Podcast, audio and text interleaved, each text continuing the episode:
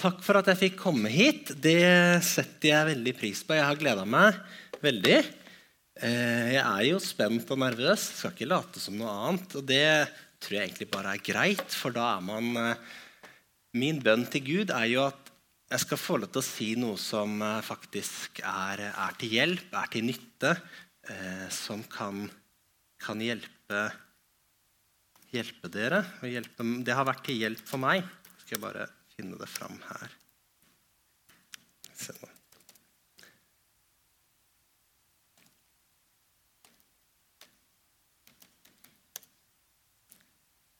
Der er vi. Skal vi se hvis jeg gjør sånn nå. Ja. Har du noen gang tvilt? Jeg har det. Mange av oss har det. Um, og um, jeg tror vi alle vil være der litt i livet, og jeg kjenner mange som har vært det også. Jeg tror det er viktig at vi gir rom for de spørsmålene vi går med når vi, når vi kjenner på tvil. Eh, og Nå skal jeg begynne med noe som egentlig er litt alvorlig.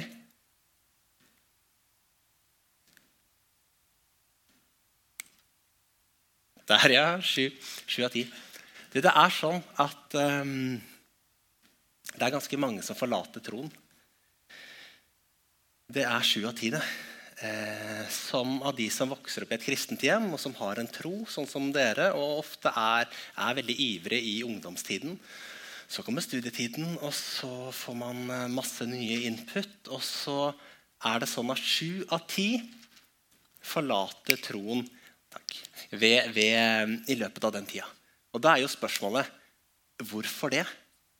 Eh, hvis vi hadde tenkt oss delt dere i grupper på ti og ti, og, og, sju i hver gruppe skulle gått ut, og de andre hadde blitt sittende, så hadde man på en måte virkelig kjent liksom på Det er alvorlig. Det er mange. Eh, og jeg har lyst til å prøve å snakke litt i dag om, eh, om Bibelen er eh, til å stole på. Jeg har gjort et valg. Jeg, jeg tror det som står her. Eh, jeg, tror det som, jeg tror dette er sannheten. Jeg tror at eh, Gud har fortalt oss sannheten her tror det Gud forteller oss sannheten her. Sannheten om seg, sannheten om meg, sannheten om oss. Sannheten om det som ligger bak, og det som ligger foran.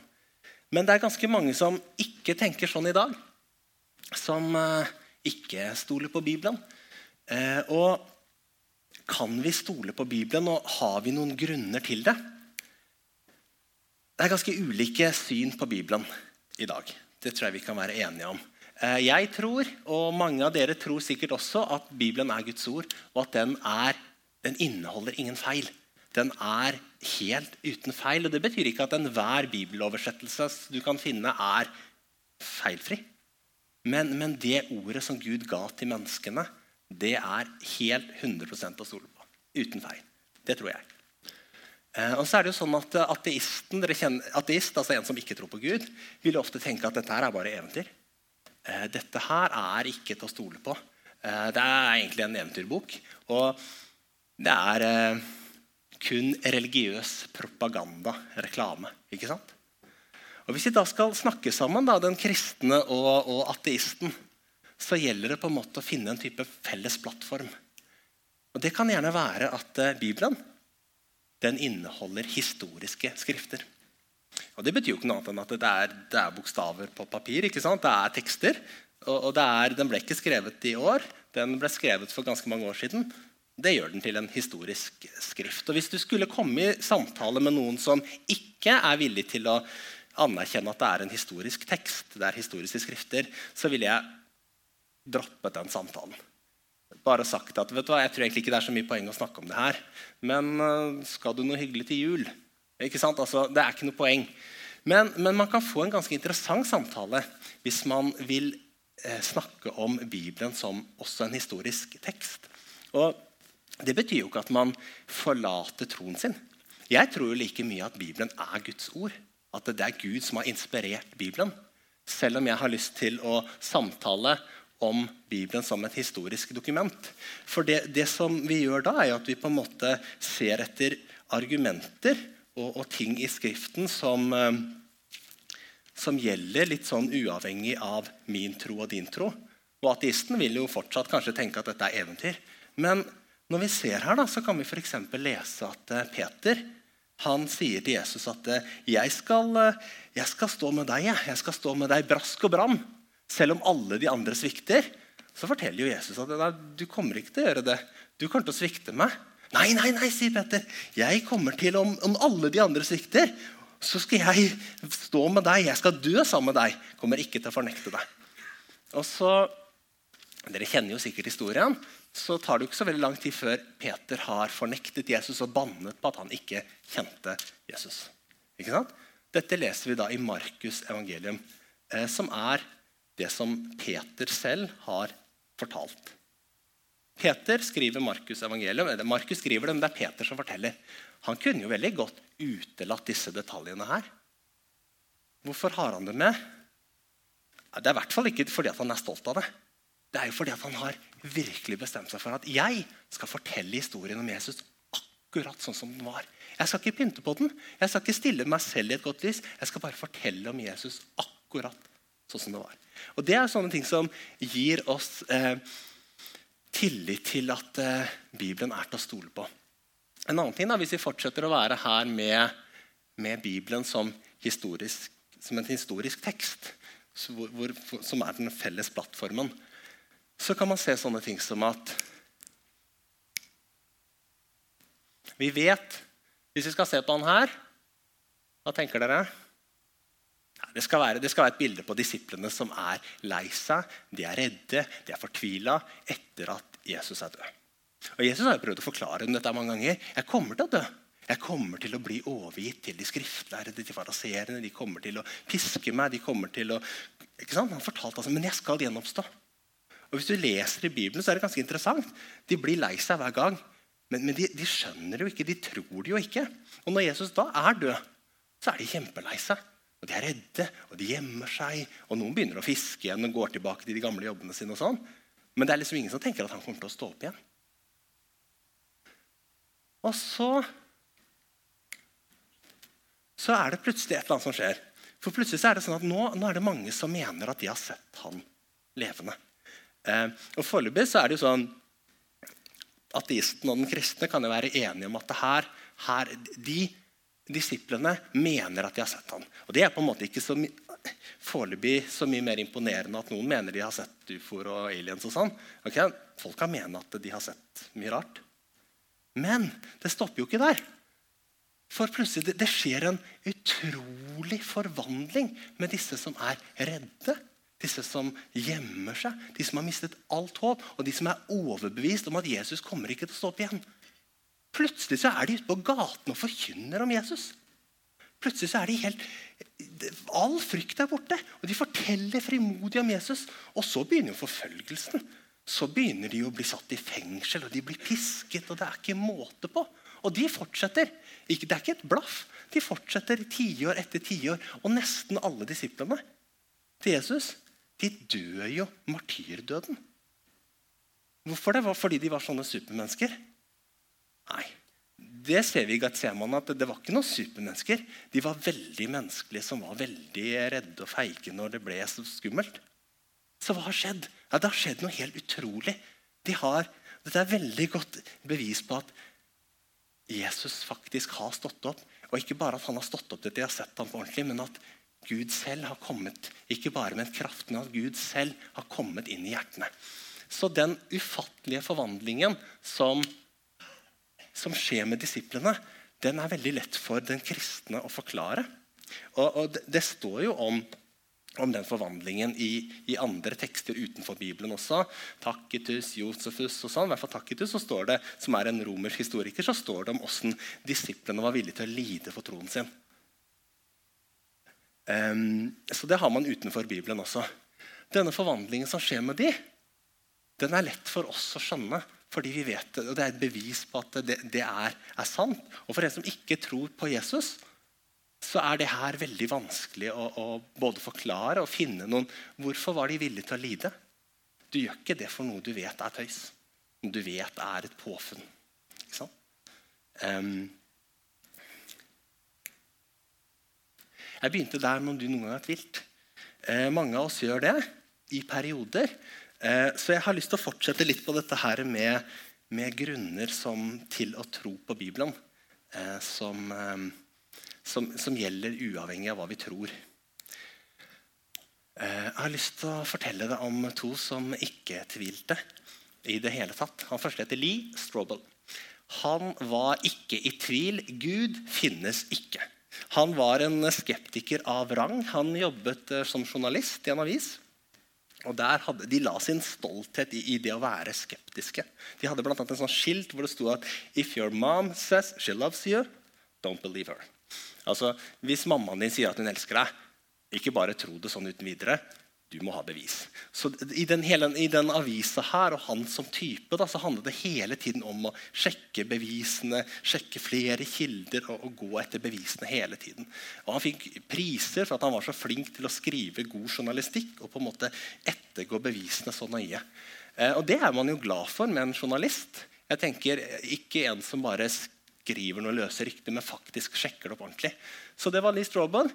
Denne, eh, han hadde også en juridisk eh, utdanning, dvs. Si at du har studert lover og regler. Og sånn. Og alt dette kunne han jo bruke til å, til å ettergå bevis og rykter og, og, på en måte veldig, veldig nøye. Eh, så skjer det i livet til Lee Strobel at han har en kone som ikke helt vet om hun tror eller ikke tror. Lee Strobel er jo helt oddist. Gud fins ikke. Mm. Kona hun får en kristen venninne som begynner å invitere henne med på møter. og sånne ting, og Da, da går det jo som det må gå, at eh, hun kona blir en kristen. Tar imot Jesus. Det liker Lee Strawbell Se der, ja. Eh, ja, det kan bare stå. Eh, det liker han forferdelig dårlig. Det var jo ikke en del av dealen at hun skulle bli kristen. Og så plutselig kom en Jesus inn i, inn i eh, så han, eh, Men så skjer det jo også en del forandring med hun kona som han jo på en måte syns er ganske fint. da. Hun blir jo en veldig sånn eh, elskverdig, skal vi si, eh, kjærlig, ydmyk, varm, god person. Så, så, det er jo fint, det er jo tiltrekkende. Men han bestemmer seg for at dette med Jesus og denne sekten som hun kona har kommet inn i, det, det må han få en slutt på. Så han bestemmer seg han skal ta hele den eh, skepsisen og den kompetansen han har fått til å på en måte ettergå eh, bevis. Og så skal han plukke fra hverandre kristendommen.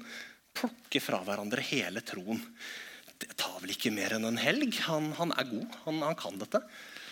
Dager blir til uker, og uker blir til måneder, og måneder blir til år etter å ha, og han, han, leser, han studerer, han gransker. Han intervjuer all verdens eksperter ikke sant, for å finne ut av dette. her. Og han har, jo, han har jo satt seg ett mål. Han skal plukke fra hverandre Bibelen. Etter nesten to år så sitter han og ser på alt han har samlet seg av bevismateriale. Og så skjønner han det at du, det krever mer tro for meg nå å fortsette som ateist. Det krever mer tro å ikke tro på Jesus når jeg ser på alt dette her. Det krever mer tro det enn å faktisk tro på Jesus. Fordi at bevisene er så overveldende. Og det er jo Én ting han har prøvd å finne ut av, er jo om har Jesus stått opp fra døden. Har, har Jesus stått opp igjen? For da er det rimelig god grunn til å tro på Jesus. Hvis han ikke har stått opp igjen, så er det ikke noe poeng å tro på ham. Det er jo det Bibelen sier også. Det går to år, og så skjønner han at du, bevisene er så over, overveldende. Så han går ned på kne og gi livet sitt til Jesus. I dag er han eh, forkynner, forfatter. Eh, og hele den historien her Han skrev en bok om det som heter The Case for Christ, som også er blitt en film. Anbefaler virkelig å sjekke det ut. Eh, søker du opp det på YouTube, så får du en utrolig interessant, eh, interessant foredrag. Eh, mye mer detaljer enn jeg har sagt nå. Eh, og han har skrevet masse mer også. så har vi J. Warner Wallace han var detektiv. og jobbet med uløste drapssaker. Og Det må jo være noe av det vanskeligste å jobbe med. Jeg tenker, Det er jo en grunn til at disse drapssakene ikke ble løst.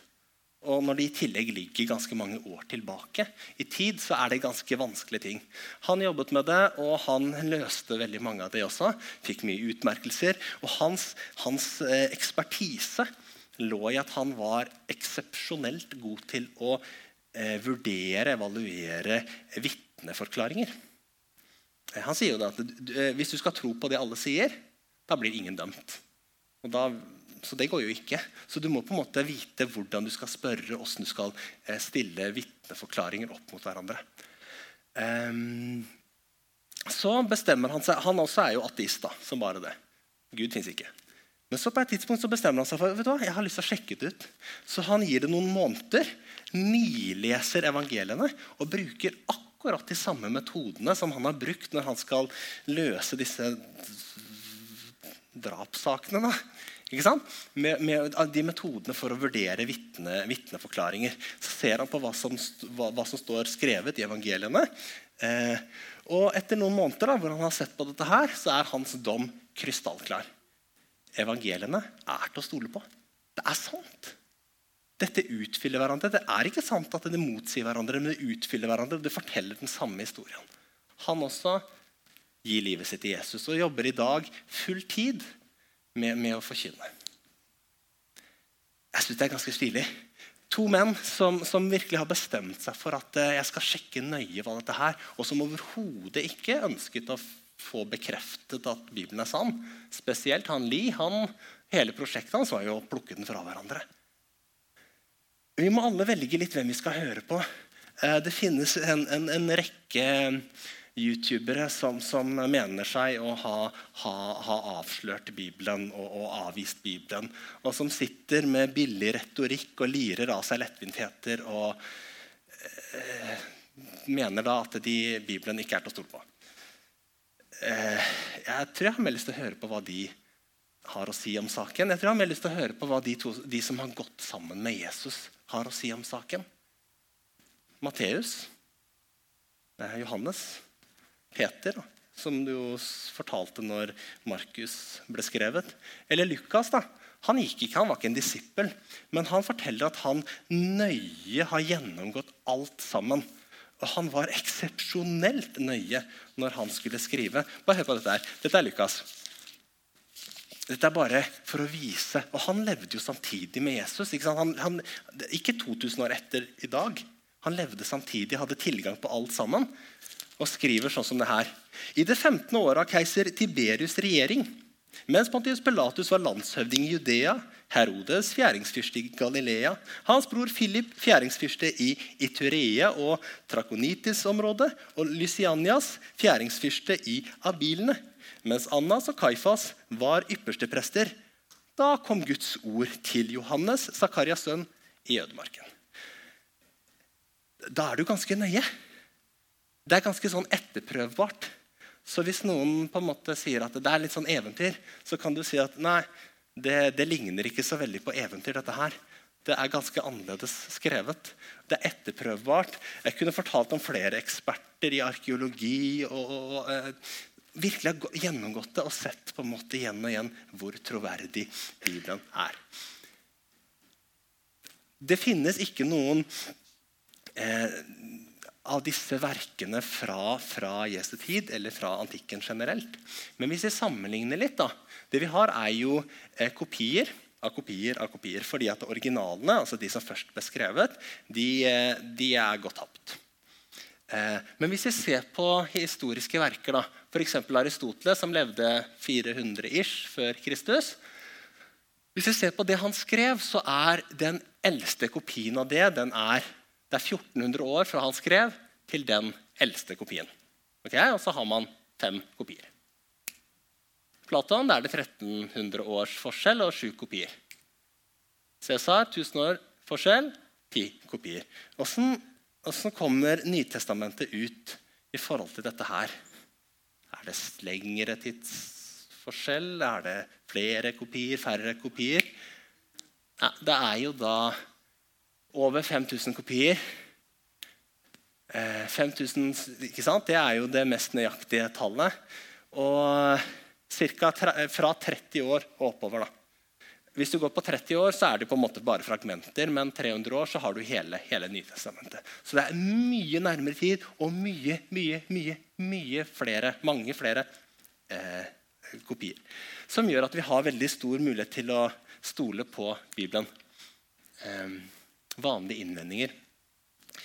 En av de vanlige innvendingene er jo at det tok så lang tid fra, ble, fra hendelsene skjedde ved Jesu tid, til det ble skrevet ned. Eh, og Hvorfor skrev de det ikke ned med en gang? Hvorfor gikk det nesten 30 år før de begynte å skrive de første evangeliene? Og 40, 50 og 60 år hvis, måte, hvis man skal ta de evangeliene som kom sist. på 90-tallet. Hvorfor venta de så lenge? da? Altså, man, Hvis det er noe viktig, så skriver man det jo ned med en gang. Um, og da må vi på en måte Dette er sett med våre øyne, men vi må på en måte gå litt tilbake i den tida der. Eh, hva skulle til for å skrive ned? Ja, da må man jo ha en perga pergamentrull. da. Og det var jo ikke billig, så det hadde du ikke råd til. Da må du skaffe deg en geit, slakte den, flå den, på en måte behandle det skinnet, da, sånn at det til slutt kan bli, bli til å skrive på. Og så er det klart, nå kan skrive. Og så er det jo sånn at Du lever i et samfunn der nesten alle er analfabeter, så du må få tak i noen som kan skrive for deg. Og Så får du til slutt fatt i noen som kan skrive, og så får du skrevet ned. Og da har du én rull som én kan lese av gangen, den som har rullen. Eh, og de fleste kan jo ikke lese den. Så det, var en ganske sånn, det er en ganske tungvint måte å spre et budskap på. Og vi som på en måte er vant til å bare kunne skrive det kjapt ned og legge det ut, og så er det tilgjengelig for hele verden. Det er ganske forståelig at det på en måte vi går og skaffer oss en geit. sånn at vi kan få Det er ganske forståelig at ikke det var det de gjorde. Når man lever i et sånt samfunn hvor de fleste er analfabeter, så, så, så foregår jo læring på en helt annen måte. Læring var å lære utenat. Læring var jo å pugge noe. Det var det de gjorde på skolen. det var det De på en måte, og de, de, de var eksepsjonelt flinke til å lære ting utenat og på en måte gjengi det helt nøyaktig. Og Dette gir oss grunn til å tro at det, det, som står her, faktisk er akkurat det Jesus sa. Det gir oss grunn til å tro at det som står her, er helt, helt nøyaktig riktig. Um,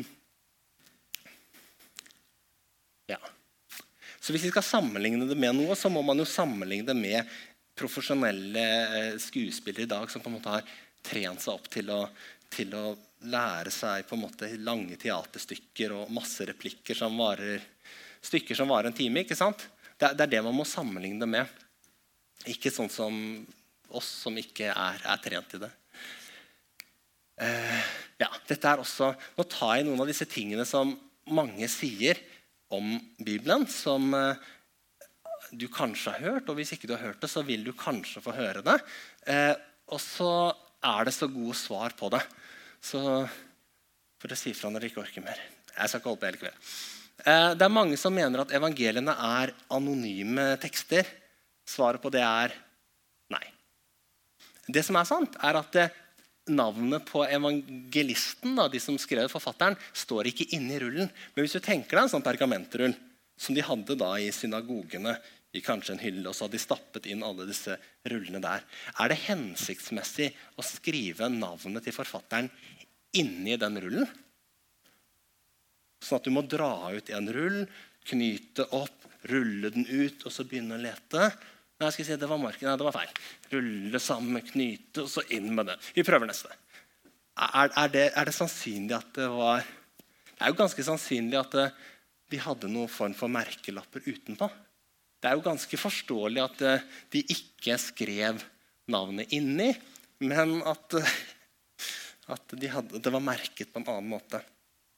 Og de som på en måte kan dette her, da, med, med, å, med å evaluere skal vi si, antikke skrifter, og sånn, de, de, gjenkjenner jo hvordan forfatteren, eh, hvilken forfatter det er, bare ved å se på måten det er skrevet på, også i evangeliene, som ligner veldig på biografier, sånn som de ble skrevet på i antikken. Eh, den her også er en sånn ting man stadig hører, at eh, det er stjålet. Det er stjålet herfra. det er stjålet herfra. Dette her er, Hvis man vil finne sånne ting, så går det an å finne masse rart. selvfølgelig. Eh, det er jo ikke annerledes enn at eh, hvis du, noen har skrevet en bok, så kan du finne noe i den boka som ligner på den boken og den boken. Og den boken. Og alle bøker, hvis du kan på en måte velge fra alle bøker som fins. Og hvis du skal på en måte velge fra alle typer eh, historier, religioner, mytologier, og sånn, så kan du selvfølgelig finne en del ting fra evangeliene som også finnes andre steder. Men, men, det har på en måte ikke noe å si. Eh, Buddha hadde også, også, disipler. Ja vel, mange har hatt det. Eh, det er mange historier som handler om, um, om, om mirakler og, og, overnaturlige ting. Det er liksom ikke det det handler om. For eh, det er bare Jesus som har stått opp fra graven. Vi, vi lar den eh, Så den, eh, den, er på en måte ikke riktig. Jesus viste seg, ja, dette her er jo en som veldig mange også sier. Jesus viste seg bare for de som trodde på ham. Kunne han ikke vist seg for skeptikerne? da? De som på en måte fiender og sånn. Vet du hva? Det er ikke sant. Det som er sant, at Jesus faktisk bare viste seg for skeptikere. Hvorfor kan jeg si det? Men hva med vennene, da? Jo, det var faktisk ingen som trodde at han skulle stå opp igjen. Og det ser du veldig tydelig. Eh, jeg kunne fortalt om Lasarus når Jesus vekker opp han. Eh, men jeg tror jeg skal gå litt videre. Ta, ta når kvinnene kommer dit, til graven. Eh, for det første, det at det er kvinner som kommer dit, er jo i seg selv eh, et bevis på at ikke historien er oppdiktet. Dessverre så var det jo sånn på den tiden at eh, at det, en, en, en, kvinnes ord hadde veldig liten tyngde. Den, uh, ja. Kvinners vitnesbyrd, kvinners ord, telte veldig veldig lite. Og Hvis du da hadde hatt en historie som var ganske utrolig, nemlig at en død person har stått opp igjen, og du velger den som på en måte er veldig lite troverdig i det samfunnet, så, så er det lite sannsynlig. Litt som at jeg skulle fortalt at uh, så en løve i hagen i går. Og det er bare Rolf på fire år som har sett den. Ville, da, da, tror ingen på det. ikke sant? Sånn at eh, Hvis historien var oppdiktet, så er det ikke kvinner som ville vært der. Um, det neste er jo at når Jesus uh, har uh, Jeg skal komme til den neste. Um, dette er den siste. Neste siste. Bibelen, som er full av motsigelser, er også en sånn sak som veldig mange påstår. Uh, vi skal se på en. Hvor mange kvinner var det som kom til Jesu grav? Var det én? Var det to? Eller var det flere? Hvis vi tenker oss at i eh, I Matteus så ser vi at Skriften er litt liten, men her står det i hvert fall om Maria Magdalena og den andre Maria som kom til graven. Så det var de to. Hvis vi tenker oss eh, Markus, så står det Maria Magdalena. I Lukas så står det Maria Magdalena, Johanna, Maria Jakobs mor og de andre kvinnene. Og i Johannes står det om Maria Magdalena. Eh, så kunne jeg fått opp noen, noen, av dere jentene. Så kan vi bare ta en lite forsøk her. Jeg, fått, jeg, jeg, trenger fem. Vi må bare ta et lite forsøk. altså. Kunne jeg fått opp dere? Fire er sikkert nok. Kan jeg fått en til? Så vi har jo da Maria Magdalena. Du er jo selvklar, Thea. Ja, du får stå her. Hun, hun, var garantert der. Men det kan jo hende at uh, den andre Maria var med også. Ikke sant? Hanna, så står du her. Og så kanskje Johanna var med også. Det var deg. Og du får være de andre. Du får være litt mange kvinner, du, da. Ok. Er vi enige at uh, det kan jo ikke ha vært både én og to og mange samtidig? Og da vil jo han, eh, som, en, en, som heter Bart Ehrman Kanskje den personen i verden i dag som får flest til å forlate troen. Dette her er kanskje hans favoritteksempel. Eh, han på en måte spør da forsamlingen han, han, er professor, underviser i Nytestamentet og skrevet masse bøker og spør forsamlingen hvor mange kvinner var ved graven. Og Så svarer han triumferende det kommer an på hvilket evangelium du leser. Underforstått to-tre ljuger, én snakker sant. Og i og med at det er såpass mange som ljuger, så kan du ikke stole på Bibelen. er hans poeng. Veldig mange kjøper det, veldig mange dessverre forlater troen. Han har masse sånne eksempler og elsker å dra fram sånn. Ser du motsetningene? Er det en motsetning? Er det sånn at enten så var det én eller to eller mange som var der? Eh, jeg tror jeg bare skal si takk skal dere ha. Det var egentlig bare det. Bare for å vise at det kan jo ha vært det kan jo ikke ha vært alt sammen. Men hvordan er det vi egentlig forteller? da? La oss si jeg, for eksempel, eller deg, da, hadde La oss si jeg hadde vært på butikken og truffet noen eh, gode venner. Og så forteller jeg det til kona mi når jeg kommer hjem. Jeg var på butikken i dag, så traff jeg Magnus og Elaine. De er vennepar av oss. Eller Jørn Erik og Sine. Da ville jeg jo sagt det til Kristin. ikke sant? Jeg traff Sine og Jørn Erik på butikken i stad. Jeg skulle hilse. Men så kunne det jo hende at eh, Sine og Jørn Erik var sammen med noen andre. Og Da kunne jeg jo ikke sagt det. Da måtte jeg jo sagt at du, Kristin, jeg traff Sine og Jørn Erik og tre andre folk som var sammen med dem. To damer og én mann, men dem vet jeg ikke hva heter. Siden har jeg ikke sett før. Da jeg var på butikken i stad. Jeg skulle hilse. Eller ville jeg ikke sagt det? Nei. Da vi, og da, vi, vi, snakker jo ikke sånn. Vi driver jo ikke og gir en masse informasjon som er sånn helt meningsløs. Eh, jeg ville jo sagt at jeg traff Sine Jørn Erik. da. Og Det er jo det samme her også. Det å si at Maria Magdalena eh, kom til graven, er ikke det samme som å si at eh, hun gikk alene. det var ingen andre der. Så dette her er en sånn konstruert selvmotsigelse. Og Hvis det er det du leter etter, så greier du å finne ganske, sånne, ganske mye sånne konstruerte selvmotsigelser. Hvis mission er å finne at Bibelen at det, det, er løgn, det er ikke til å stole på. Dette her er ett eksempel. Eh, de som leter etter sånne ting, kan finne fra masse som de mener er selvmotsigelser.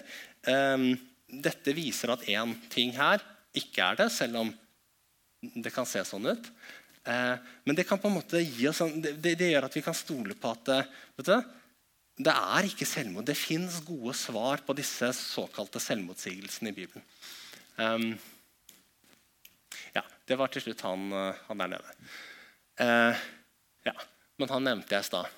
Det fins gode svar. Jeg tror jeg går til den siste her. Vi trenger å øve. Jeg har bare lyst til å, For Bibelen oppfordrer oss til å kunne gi, gi svar Vær alltid klare til forsvar når noen krever dere for regnskap for det håp dere eier. Ikke sant? Så jeg har lyst til å bare vise at det finnes noen uh, veldig gode videoer. Uh, vi trenger å øve alle sammen. Dette er Damaris med en apologet som heter William Lane Craig, som bl.a. driver denne nettstedet som heter Reasonable Faith. Men på Damaris så ligger disse videoene han har laget. De varer ca. 4-5 minutter hver tettpakket med masse facts som på en måte eh, jeg har sett de mange ganger, mange ganger, og jeg vil anbefale å på en måte bare se de og bare ta noen argumenter, noen ting, som på en måte du virkelig tar sånn eierskap til. Dette skal jeg bli ekspert på. Ta en video og virkelig se den mange ganger. og liksom bare Den tryggheten du får når du på en måte kan gi noen gode svar, eh, det er så fint. Og så har jeg veldig sterkt ønske om at alle dere som sitter her, skal bare bevare troen helt ut. Takk for meg.